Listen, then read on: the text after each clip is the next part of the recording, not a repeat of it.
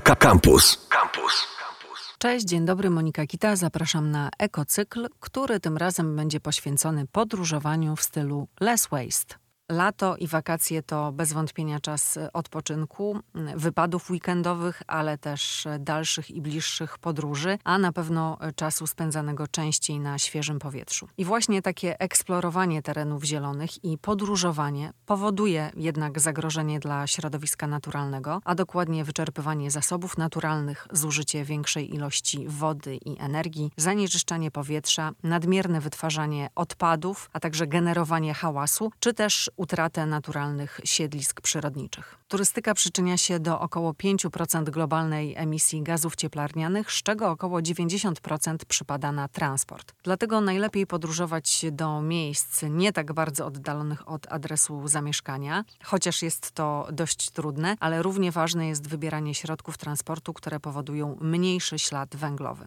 Jaka zatem forma transportu najbardziej zanieczyszcza środowisko naturalne? Oczywiście samolot, choć jest y, najszybszy i pewnie dla wielu y, bardzo wygodny. Nieco mniej szkodliwy ekologicznie jest y, samochód, a najmniej pociąg. Na krótkich dystansach oczywiście najbardziej ekologiczny jest rower, ale wiadomo, do innego kraju czy na odległy kontynent najlepszym i najszybszym środkiem transportu będzie samolot ale osoby, które wybierają podczas podróżowania samolot, który jednak najbardziej zanieczyszcza środowisko, mogą zrekompensować wytworzony podczas takiej podróży ślad węglowy, czyli wykupić tak zwany carbon offset. Najpopularniejszą formą jest y, chociażby sadzenie drzew. Możecie to zrobić samodzielnie, ale też skorzystać ze specjalnych programów, które umożliwiają wpłacanie darowizny na zalesianie. Koszt takiego offsetu zaczyna się już od około 20-25 euro za dofinansowanie szkółki leśnej na przykład w Afryce.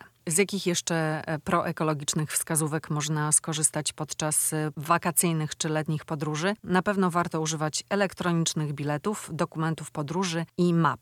W większości środków transportu wystarczy okazać bilet w wersji online i tym samym zaoszczędzić e, papier oraz czas spędzony w kolejce na dworcu albo na lotnisku. Dodatkowo wszelkie ważne dokumenty można zapisać w telefonie. Podobnie jest z wybranymi fragmentami map z których można korzystać w trybie offline i nie zużywać transferu danych. Ważne w podróży jest także naładowanie telefonu i zabranie ze sobą powerbanka. Co jeszcze się przyda podczas podróżowania? Na pewno własna wielorazowa butelka na wodę, najlepiej z filtrem. Można zabrać też kubek lub termos na ciepłe napoje oraz wielorazowe opakowanie na jedzenie. Najlepiej takie lekkie, zamykane pudełko, które można wykorzystać również w trakcie wyjazdu jako pojemnik na przykład na pieczywo czy do zapakowania pozostałości posiłku w restauracji. Alternatywą dla foliówek będzie wielorazowa materiałowa torba, a także woreczki również mogą być e, materiałowe. Przydadzą się na pewno na zakupach na targu czy też w sklepie, gdzie nie będziemy musieli wykorzystywać niepotrzebnych jednorazowych opakowań.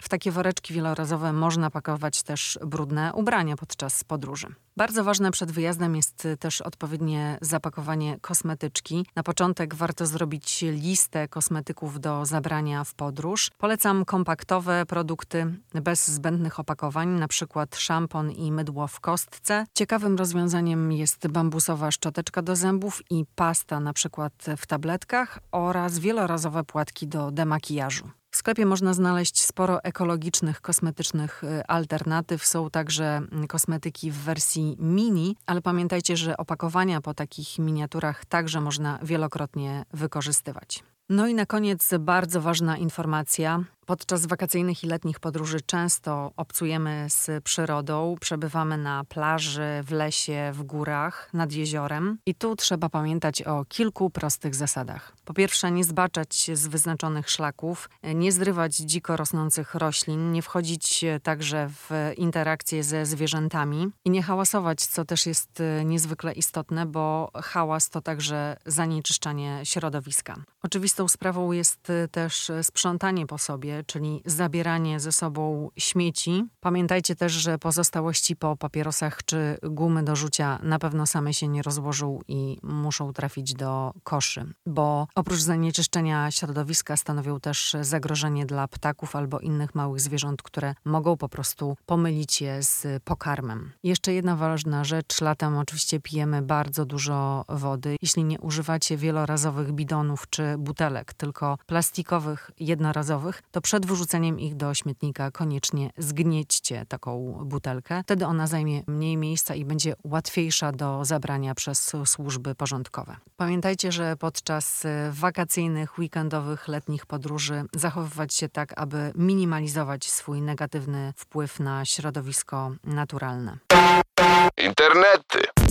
Facebook.com ukośnik Radiocampus. Twitter ukośnik Radiocampus. Snapchat ukośnik Radiocampus. Instagram ukośnik Radiocampus.